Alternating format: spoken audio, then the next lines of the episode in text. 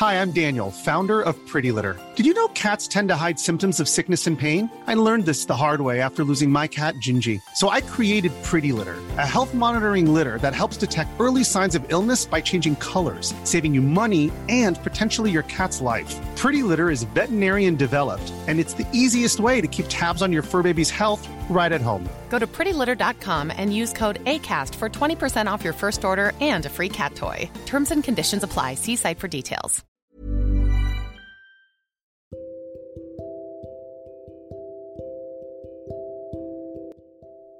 Dulu tuh suka banget buat cerita-cerita. Dari hal-hal yang gak penting sampai yang penting. Apa pun disiaringin.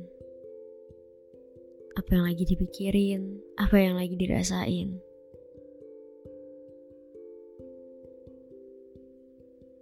Tapi gak tahu kenapa, semakin ke sini semakin gak suka cerita. Ya masih suka cerita tapi yang kayak general aja gitu.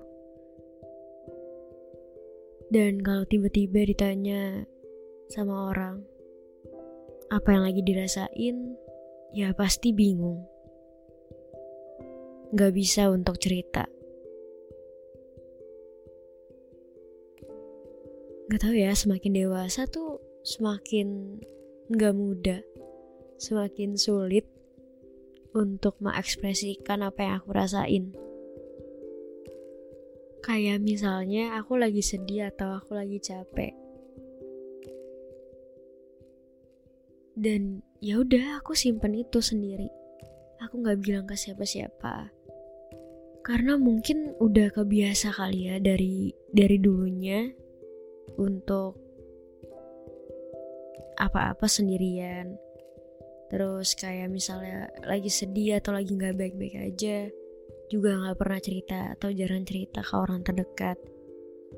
Dan jadinya semakin ke sini ya jadi terbiasa untuk gak cerita untuk gak bilang ke siapa-siapa. Dan sekarang tuh jadinya lebih suka cari cari peralihan cari kesibukan ya buat ngedistrik apa yang lagi dirasain. Kalau misalnya memang lagi sulit untuk mengekspresikan sesuatu atau kayak misalnya lagi lagi capek atau lagi sedih ya cari peralihan untuk nggak ngerasain sakit itu. Karena mungkin lebih ke apa ya kalau misalnya aku sedih aku tuh kayak semakin capek. Jadi kayak nggak mau ngebawa itu semua dan lebih baik cari peralihan untuk untuk ngilangin rasa sakit itu, ngilangin rasa sedihnya. Dan terus kalau misalnya lagi sedih terus mau cerita ke orang lain, ada aja tuh halangannya. Kayak aku tuh bener-bener dibikin sama Tuhan untuk gak cerita ke orang lain. Ya karena Tuhan tahu kelemahan aku. Aku tuh secepat itu um, kecewa sama orang aku tuh bisa secepat itu untuk marah ketika orang itu nggak nggak sesuai dengan harapan aku. Makanya Tuhan melindungi aku Tuhan kasih aku cara lain untuk untuk aku bisa cerita ke Tuhan aja gitu. Tapi ya emang bener sih. Ketika nggak punya tempat cerita gak punya siapa-siapa, cerita ke Tuhan tuh definisi healing banget. Sambil nangis, terus sambil bilang, Tuhan aku capek, Tuhan sakit banget rasanya. Itu kayak another level of pain. Ngerasain tenang yang beda banget gitu beda ketika kita cerita ke manusia dan cerita ke Tuhan. Cerita ke Tuhan tuh lebih lega banget, lebih apa ya, bebas untuk mengekspresikan apa pun yang aku rasain. Karena Tuhan gak pernah menghakimi aku, Tuhan gak pernah ngejudge aku, Tuhan gak pernah ngebandingin aku.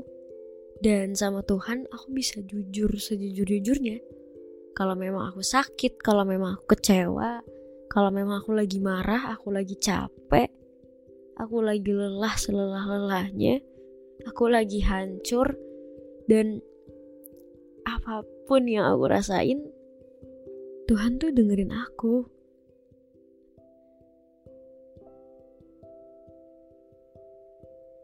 ya makanya sekarang kayak aku lebih suka ceritanya ke Tuhan aja daripada ke manusia mungkin lebih ke apa ya memproteksi hati kali ya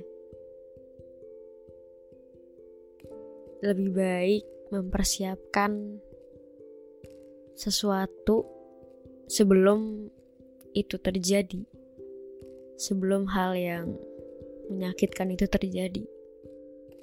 Jadi ya aku mengantisipasi. Tapi aku sangat-sangat bersyukur dengan diri aku sendiri yang sekarang ini. Gak tau kenapa aku bersyukur banget. Aku sebangga itu. Karena dulu tuh aku masih suka oversharing ke orang-orang. Aku masih suka bergantung ke orang lain. Aku gak percaya sama diri aku sendiri aku nggak bergantung ke diri aku sendiri. Dan ya lama-lama belajar. Kalau pada akhirnya aku nggak bisa terus-terusan bergantung ke manusia. Karena nantinya akan kecewa. Nantinya semakin melukai diri sendiri. Jadi ya proses demi proses itu yang bisa nguatin aku aku semakin belajar, aku semakin tahu dan semakin sadar bahwa aku harus berdiri dengan kedua kaki aku sendiri tanpa adanya orang lain.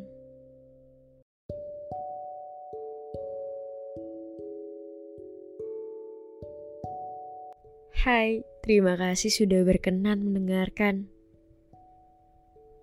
Jangan lupa untuk follow podcast Tempat Berteduh kamu bisa dengerin di setiap hari Selasa, Kamis, dan Sabtu. Supaya gak ketinggalan sama episode selanjutnya, kamu bisa nyalain lonceng notifikasinya. Jangan merasa sendirian, karena di tempat ini, kamu gak akan pernah sendirian.